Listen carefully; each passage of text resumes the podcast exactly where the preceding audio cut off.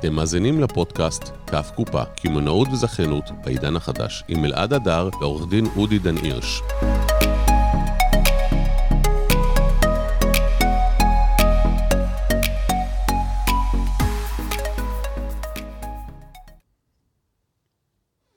בוקר טוב, בוקר טוב. אודי, מה העניינים? are we live? are we live? yes we are. We are alive, אז זה יותר האמת נכון. שאנחנו כאלה יעילים, שהתחלנו היום אפילו כמה דקות לפני הזמן. אבל זה אומר שיש לנו זמן לעשות שיתופים. יש זמן לכם לעשות שיתופים. יש לנו זמן לתת בראש, וזה בעצם אה, הרעיון שלנו בשידור היום. היום אנחנו הולכים לדבר איתם על מה? אתה רוצה אני- לגלות להם כבר מעכשיו? כן, ודאי. אז אני מתעורר לתוך השידור. זאת האמת, אנחנו מעלים קצב. אנחנו היום הולכים, אלעד, לדבר על נושא ש...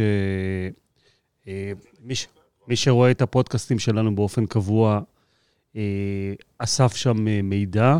אנחנו היום הולכים לרכז פודקאסט שלם על איך בונים רשת ששווה כסף. איזה מודלים עסקיים... מי לא היה רוצה לבנות רשת ששווה כסף? מה זאת אומרת? נכון, אנחנו מדברים פה הרבה על, אה, על עולמות של ערך, איך יוצקים ערך, איך, אה, איך הופכים סניף לסניף שווה. גם דיברנו על איך הופכים רכ, רשת לרשת אה, שווה, דיברנו על אה, מקסטוק, על ההנפקה שלה. אנחנו בעידן של הנפקות, בעידן שמעודד, אה, שמעודד value. מה שאני רוצה, מה שאנחנו רוצים לעשות היום, זה בעצם לקחת את עולם ה... לדבר דווקא על, על מודלים של התפתחות של רשת, נתמקד גם בזכיינות ונתמקד גם במודלים אחרים, לאיך לוקחים רשת ובאמת הופכים אותה לרשת אה, גדולה ושווה. אני רוצה דווקא להתחיל ב, אה, ככה באיזשהו סיפור ולהגיד שכמה שזה מפתיע, מרבית הרשתות שמגיעות, אה, שאני פוגש, אלה רשתות שזה לא שהן לא חושבות מהעולמות של ה-value, אבל הן מתנהלות, הן מגיעות והן מבקשות ממני, אומרות לי, אודי, אנחנו רוצות להפוך, להפוך לרשתות זכי, אה, זכיינות, יושבות, מדברות איתי על מודלים, אנחנו בונים מודל, מאמצים מודל, ומתחילות, ומתחילות לעבוד.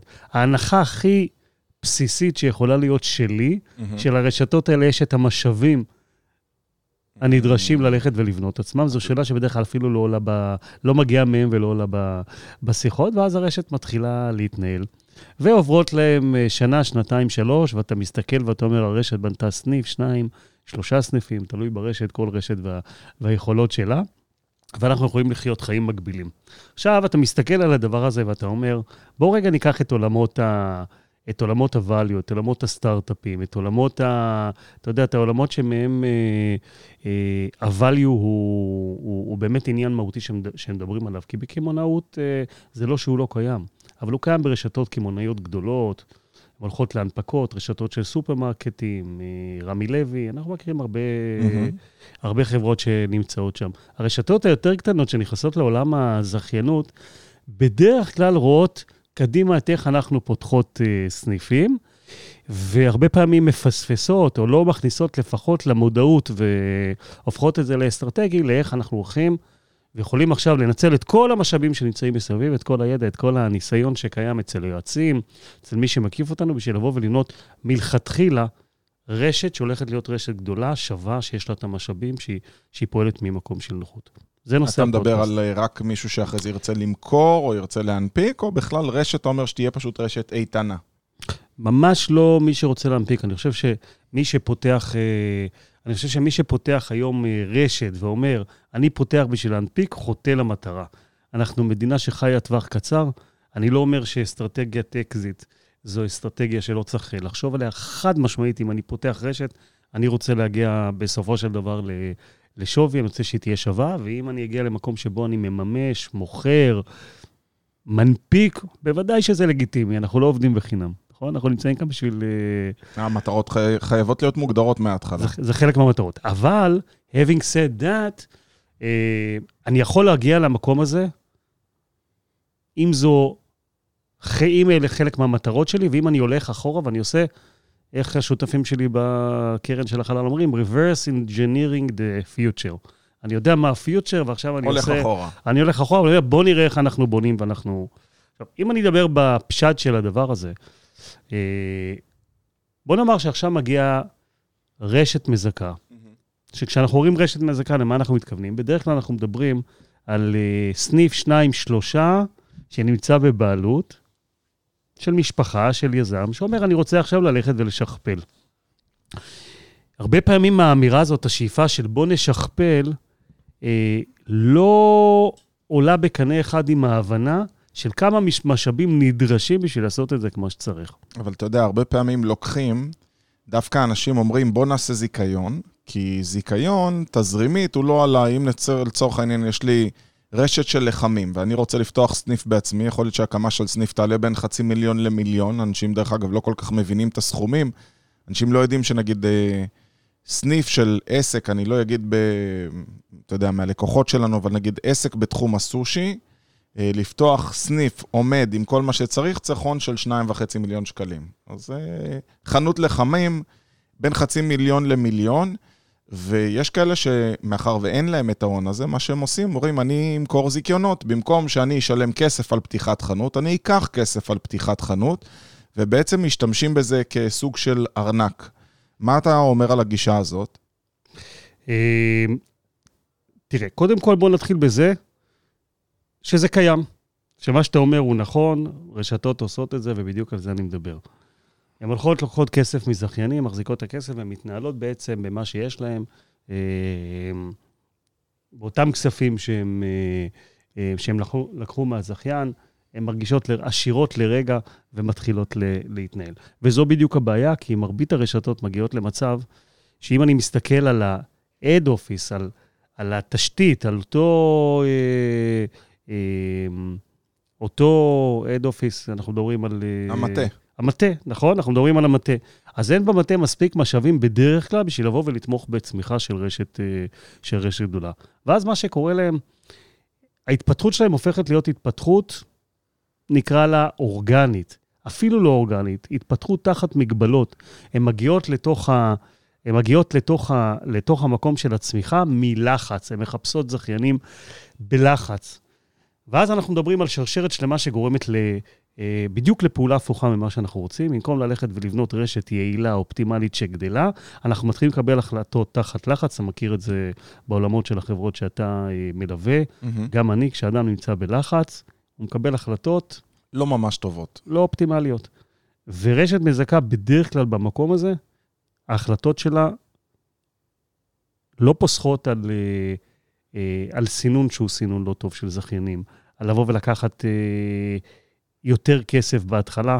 סיפור קטן, יש לי עכשיו איזשהו זכיין שבא לפתוח אה, סניף, ואני מסתכל, מעביר לי את הסכם הזיכיון, רשת מזכה. לא חשוב, אה, אנחנו באמצע עסקה, אז אני לא אגיד מה התחום, אבל מה אני רואה, אלעד? שהוא מדבר איתי על מרכז מסחרי שעתיד להיפתח בעוד חמש שנים. מה? לא זאת הבעיה, זה בסדר, זה אפילו, בוא נגיד ש...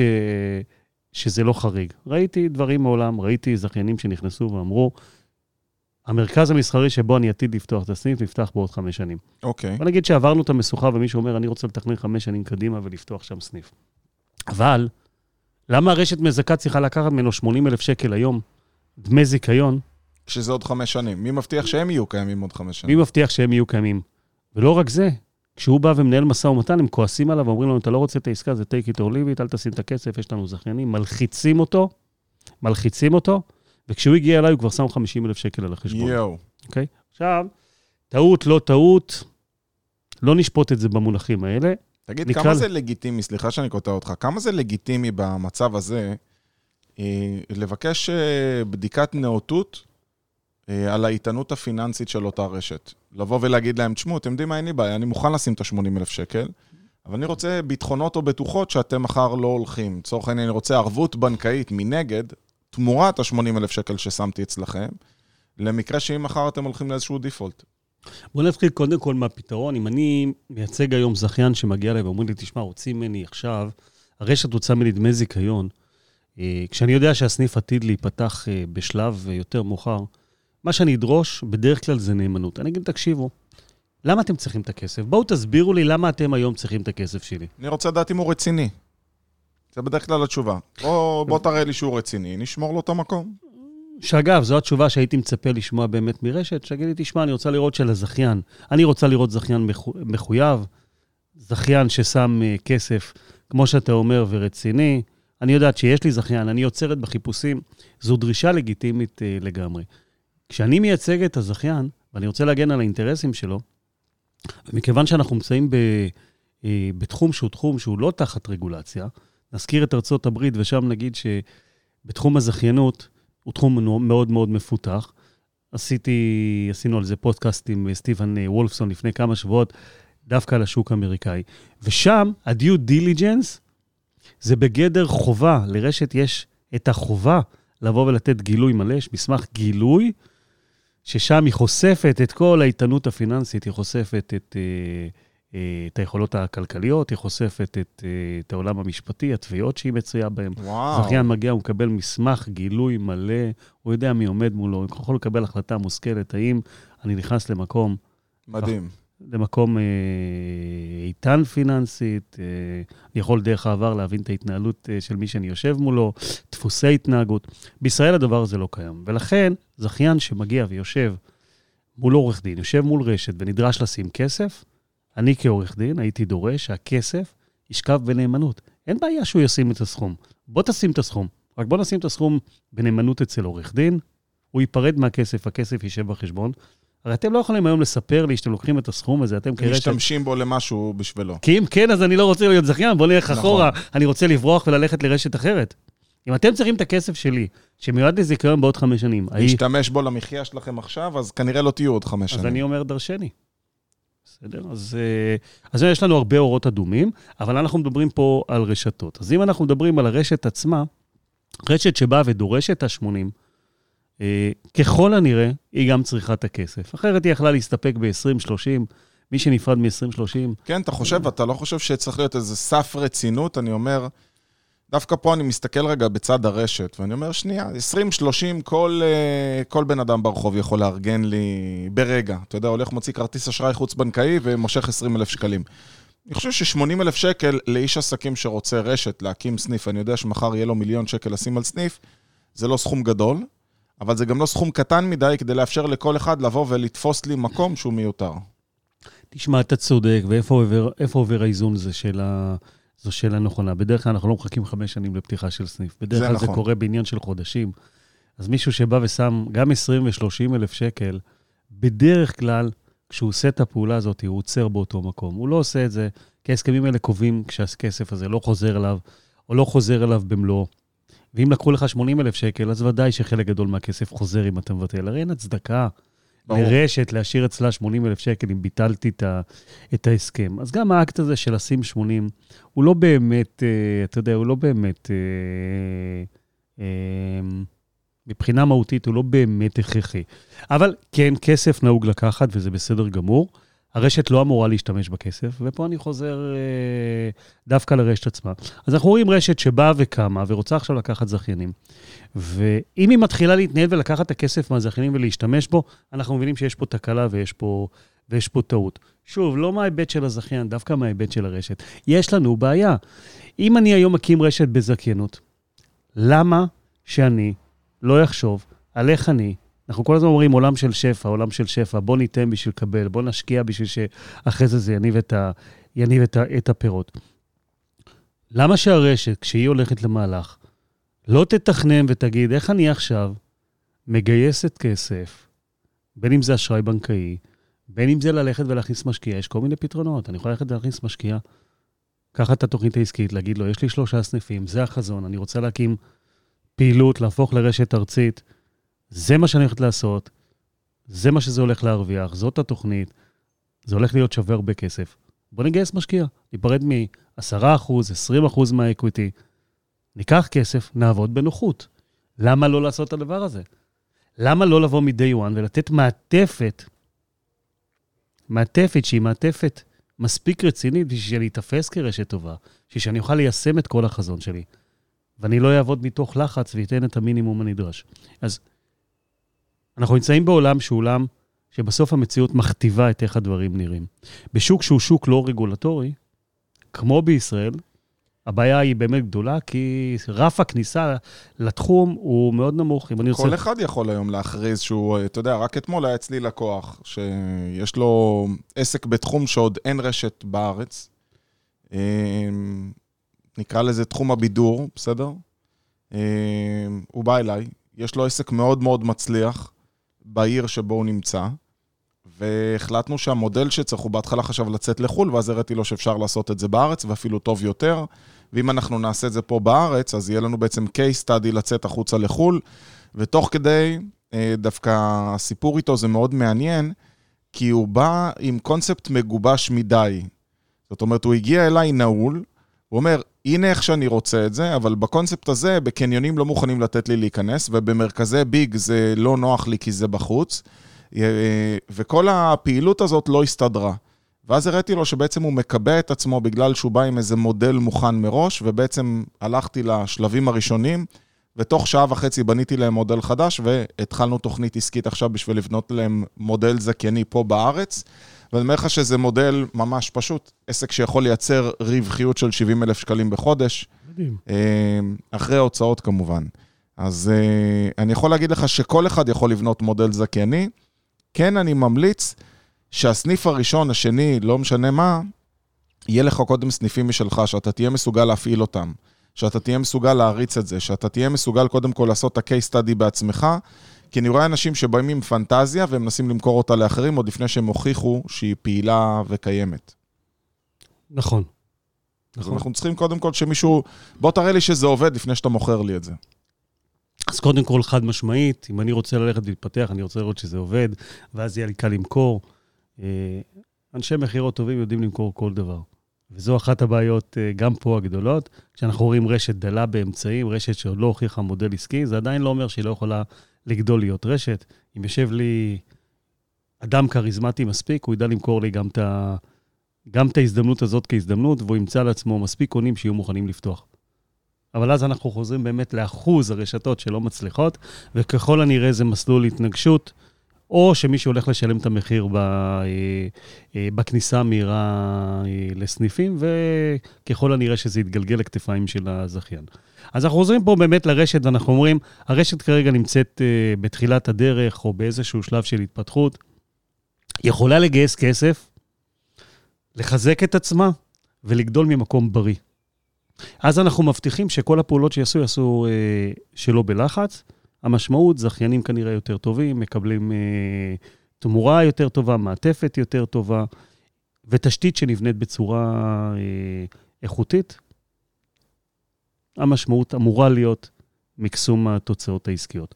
בואו נדבר קצת על ההתפתחות של הרשתות ומה האפשרות להתפתח. אז נתחיל במודלים, ה... כי אנחנו רוצים באמת היום להביא ערך ל... למי שמקשיב. המודלים הקלאסיים היום של הזכיינות זה מודלים שמדברים על זכיינות מלאה, כמו שאנחנו מכירים אותם.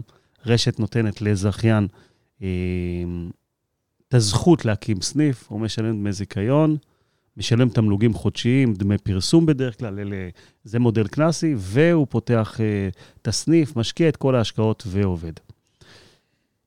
מודל נוסף זה מודל של זכיינות תפעולית, שבה אני לוקח זכיין, נותן לזכיין לשלם חלק מההוצאות של הסניף, והוא הופך להיות שותף בתוך ההכנסות של, ה, של, ה, של הרשת. 30-40 אחוז מתוך ההכנסות, של הסניף, סליחה.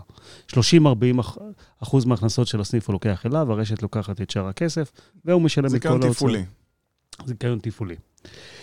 יש בעולם הרבה מאוד מודלים אה, אחרים להתפתחות. אני רוצה דווקא לגעת בהם, כי הם המודלים היצירתיים אה, יותר. אחד המודלים, אה, כי אנחנו בסוף, תראה, מדברים ורוצים להקים אה, רשת אה, מצליחה, אנחנו לא רוצים לעשות טעויות, ואנחנו רוצים מצד שני גם לגדול מהר, כי אם לא נגדל מהר, השוק, השוק לא עומד במקום. לפתוח סניף אחד בשנה, זה לא בסדר. מעניין. כן, זה מעניין את מי שרוצה שיהיה לו פעילות קטנה. אבל אנחנו מדברים על איך בונים רשת גדולה, אז אנחנו רוצים התפתחות ולא על חשבון, לא על חשבון האיכות. אחד המודלים בעולם שאני מאוד מאוד אוהב, זה מודל שנקרא שופין שופ. חנות בתוך חנות. שמעת על המודל? כן, כמו שהמשביר והשקם עשו שנים ועושים שנים רבות. מקסים. כן. בוא נספר מה זה שופין שופ. שופין שופ זה בעצם חנות בתוך חנות, לצורך העניין. אם אני המשביר והחלטתי בתוך המשביר לפתוח חנות שעונים, ואני נותן להם תמלוגים מהמכירות שלי בתוך החנות הזו, זה נקרא שופין שופ. נכון, ואם נדבר על מודלים של זכיינות, אז פגשתי הרבה רשתות uh, בדרך. הגיעה הגיע אליי לפני שלוש שנים רשת, uh, uh, רשת בשם סנצ'יפס, לא מתחום האוכל. לא? כשאני שמעתי את השם חשבתי ש... אז מה זה, צ'יפים אה, למחשבים? לא, לא, היזם אסף בן דוד, בחור מאוד מוכשר, לקח את הזיכיון הבינלאומי. זו רשת שבעצם אה, מציעה כל מיני אה, מוצרי תאורה לאווירה בחדר, שמבוססים על, אה, על נרות, על נרות מאוד מאוד מיוחדים, שגם מפיצים ריח, גם אה, מפיצים אור מיוחד. המוצרים שלהם מפיצים כל מיני, אה, אה, מקרינים צללים על, ה, על הקירות של החדר. נורא יפה, רשת מצליחה. התחיל לפתוח סניפים בזכיינות אה, מלאה. באיזשהו שלב ישבנו יחד ואמרנו, בואו נראה איך אנחנו מתפתחים. איך אנחנו מתפתחים מהר. התחלנו לשקול את המודל של שופין שופ. וההנחה בעצם הייתה שאם אנחנו לוקחים עכשיו את הרשת, ואנחנו הולכים לפגוש רשת עם עיצוב שהוא מיצוב דומה לשלנו, שקהל היעד שלהם, קהל הלקוחות שלהם זה קהל שמתאים, וזה קהל שעשוי לרכוש את המוצרים, אה, את המוצרים שלנו. והדברים מתיישבים ביחד, אפשר לראות אסטרטגיה כאסטרטגיה משותפת, אז אנחנו בעצם יכולים יחסית מהר להרים את השלטר ולפתוח בתוך כל חנות של אותה רשת איזושהי פינה, איזושהי פינה, לא חייבים אפילו חנות uh, סגורה. גם בחנות של 60-70 מטר אני יכול לקבל פינה ממותגת, לשים בה מוצרים, והופ, יש לי סניף. מדהים. יש לי סניף, לא שילמתי על הנדל"ן בנפרד, יש לי איזושהי קונסטלציה של התקשרות עם אותה, עם אותה רשת, ואנשים שנכנסים לתוך החנות קיבלו מגוון יותר גדול, כך שגם אותה, עבור אותה רשת שנתנה לי את האכסניה, זה דבר טוב, היא מגוונת את המוצרים שיש לה בחנות. לגמרי. Okay. אתה יודע, אוקיי? זה רעיון מקסים, אני יכול לספר לך שביקר אצלי השבוע מישהו שהוא אה, יצרן אה, כובעים, מעצב כובעים ישראלי. אין הרבה כאלה. הוא מייצב בייסבול אה, קאפס כאלה, ומאוד איכותיים. אין הצדקה, הוא רוצה מאוד לעשות רשת, אבל אין הצדקה להחזיק חנות ספציפית לכובעים, כי זה מוצר שיכול להימכר ממנו ביום טוב עשרה כובעים. ונגיד למישהו כזה, המודל של שופין שופ הוא מודל מעולה. איך היית מציע בעצם לעשות חלוקה של uh, כספים במודל של שופין שופ? למה שבעצם החנות, אני בכוונה לוקח את העמדה של ה-Devil's Advocate.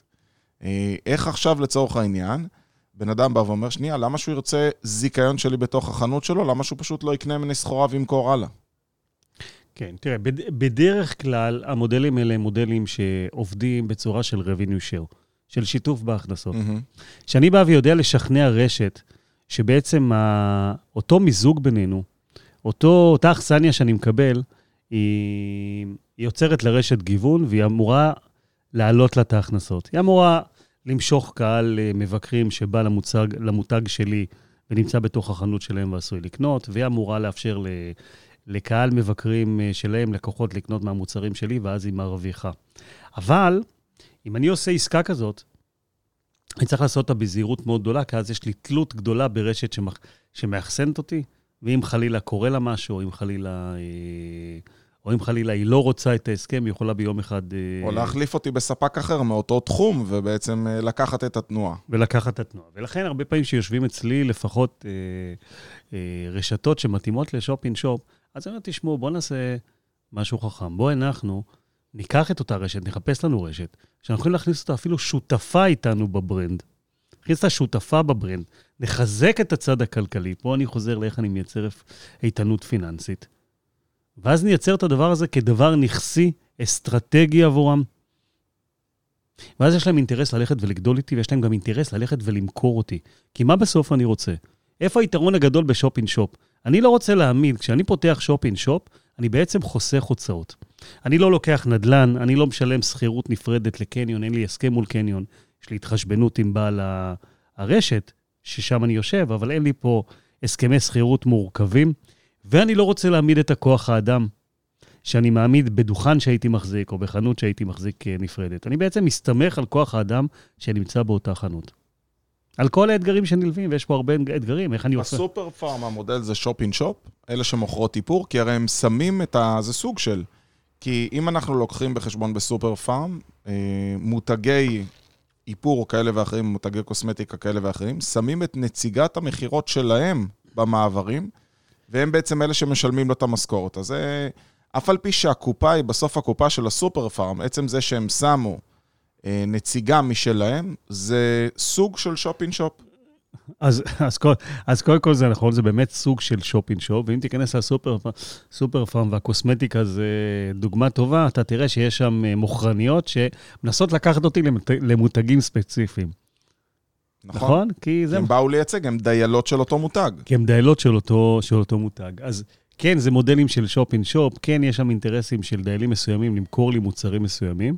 כשאני פותח סניף בתוך אה, רשת, אה, שנמצא בה מוכרן אחד וצריך למכור גם את המוצרים של אותה רשת, שהחנות היא שלה, ופתאום פתחתי לי איזשהו דוכן, איזשהו, איזושהי עמדה, אני רוצה להגיע למצב שאותו מוכרן בחנות, יש לו אינטרס מספיק גדול ללכת ולמכור את המוצרים שלי, שזה אתגר בפני עצמו.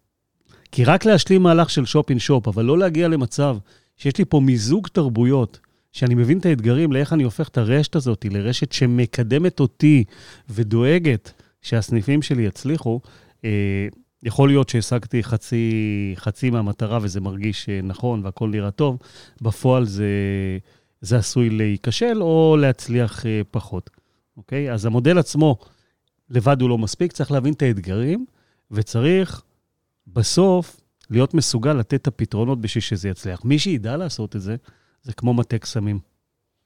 כי אם עשיתי והצלחתי, הבנתי את האתגרים ופתרתי אותם, ופתרתי אותם מלכתחילה בחיבור נכון ובתיאום ציפיות נכון, ניצחתי בעצם את, ה, את השוק. כי מהר מאוד, הרי כשאני פותח רשת, אני רוצה להגיע כמה שיותר מהר לכמה שיותר אנשים. אנחנו בשוק משוכלל, יש תחרות, נכנסות חברות נוספות. מהר מאוד, אם לא מכירים אותי כברנד, אני נמצא כבר עם מוצרים אה, חלופיים, לא יזכרו שאני הייתי הראשון. אז הצורך להגיע ולייצר אה, דומיננטיות הוא, הוא מאוד חשוב. אגב, שופין שופ גם נותן לי את האפשרות לראות כמה המוצר שלי הוא טוב. למי שמגיע ורוצה לצמצם סיכונים... זה אחלה case study. זה אחלה case study. יכול להגיד, אני מתחיל בשופין שופ, זה לא אומר שאני בשיתוף פעולה שמונע ממני לעשות דברים אחרים, אני עושה גם את זה.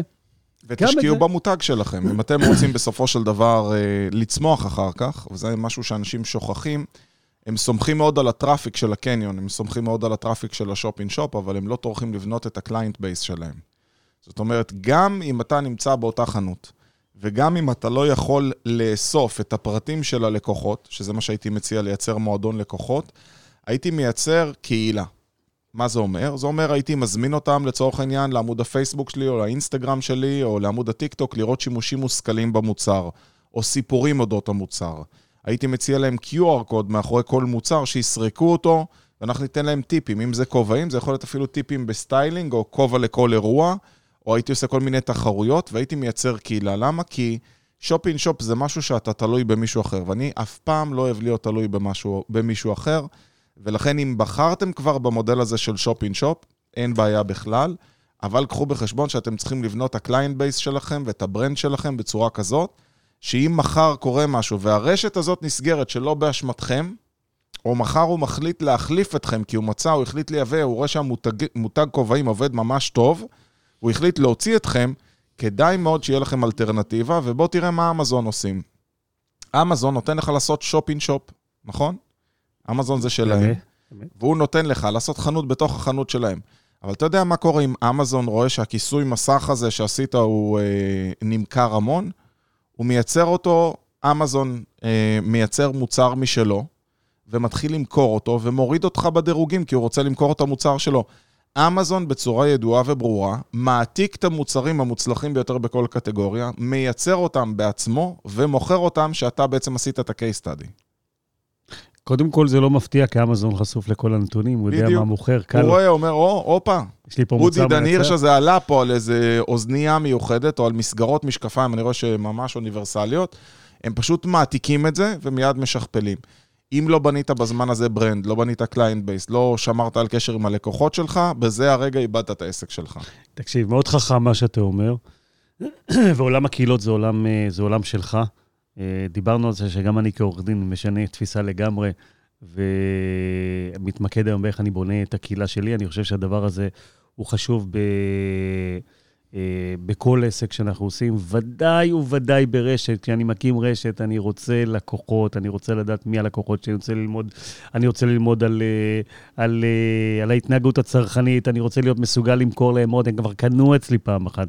אני רוצה שיחזרו ויקנו, וכשאני מדבר על מודל של שופ אין שופ, אז, בו, אז בוודאי שהדבר הזה מקבל אפילו חשיבות הרבה יותר גבוהה, כי אם אני לא ערני מספיק, אני יכול לאבד את הביזנס שלי.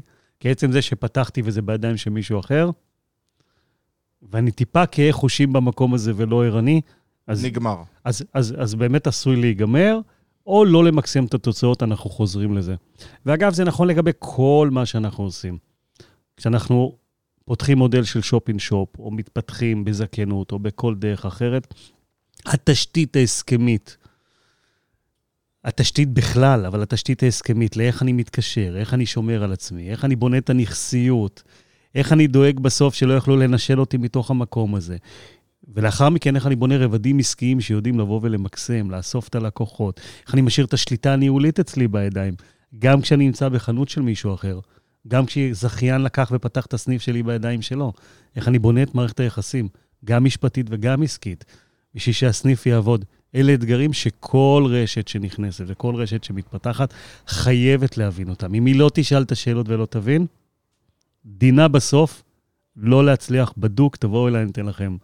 אני מוכן לחתום על זה מראש. לחתום וג... מראש, וגם, וג... בנאמנות. וג... וגם להתערב, בסדר? אז... Uh... אז אנחנו רוצים מודלים מצליחים, אנחנו רוצים לראות רשתות מצליחות, אנחנו רוצים לראות רשתות יציבות שיש להן כסף. הנה, היום נתנו להם כבר uh, ערך בזה, וגם ערך פעם ראשונה שאנחנו חושפים להם את המודל של שופ אין שופ, שיכול להיות רלוונטי להרבה.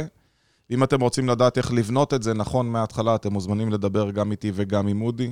ידע הכי גדול, אני חושב, שיש בארץ בכל מה שקשור לרשתות. נכון. חשוב, אני חושב, רק אה, לומר, כי נגענו בשופ אין שופ ונגענו במודלים הקלאסיים. כשאנחנו מסתכלים על מציאות עסקית, חשוב שכולם יזכרו את זה. יש אין סוף דרכים לגדול, להתפתח ולהצליח. אנחנו לא מדברים רק על uh, דרך ספציפית, לא על שופינג שואו ולא על זכיינות כמודלים יחידים. Uh, בצומת הזאת של צמיחה, מי שיצירתי, מי שמתייעץ, מי שהראש שלו חושב ומסתכל uh, קדימה ומוכן לפרוץ גבולות, יכול להגיע למובילות, יכול להצליח. אתם... מה שחשוב לקחת מהמקום הזה, שבאמת המקום הזה ש...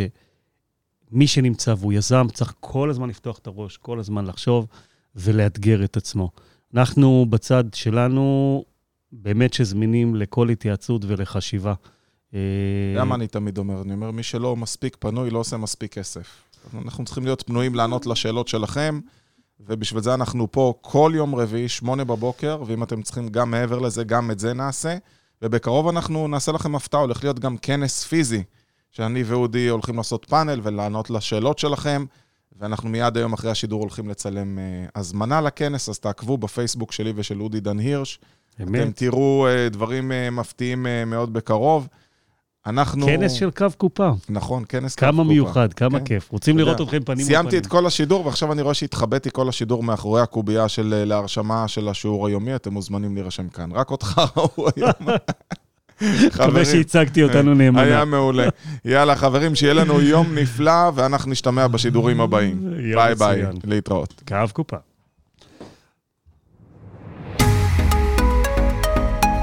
אתם מאזינים לפודקאסט כף קופה, קמעונאות וזכיינות בעידן החדש.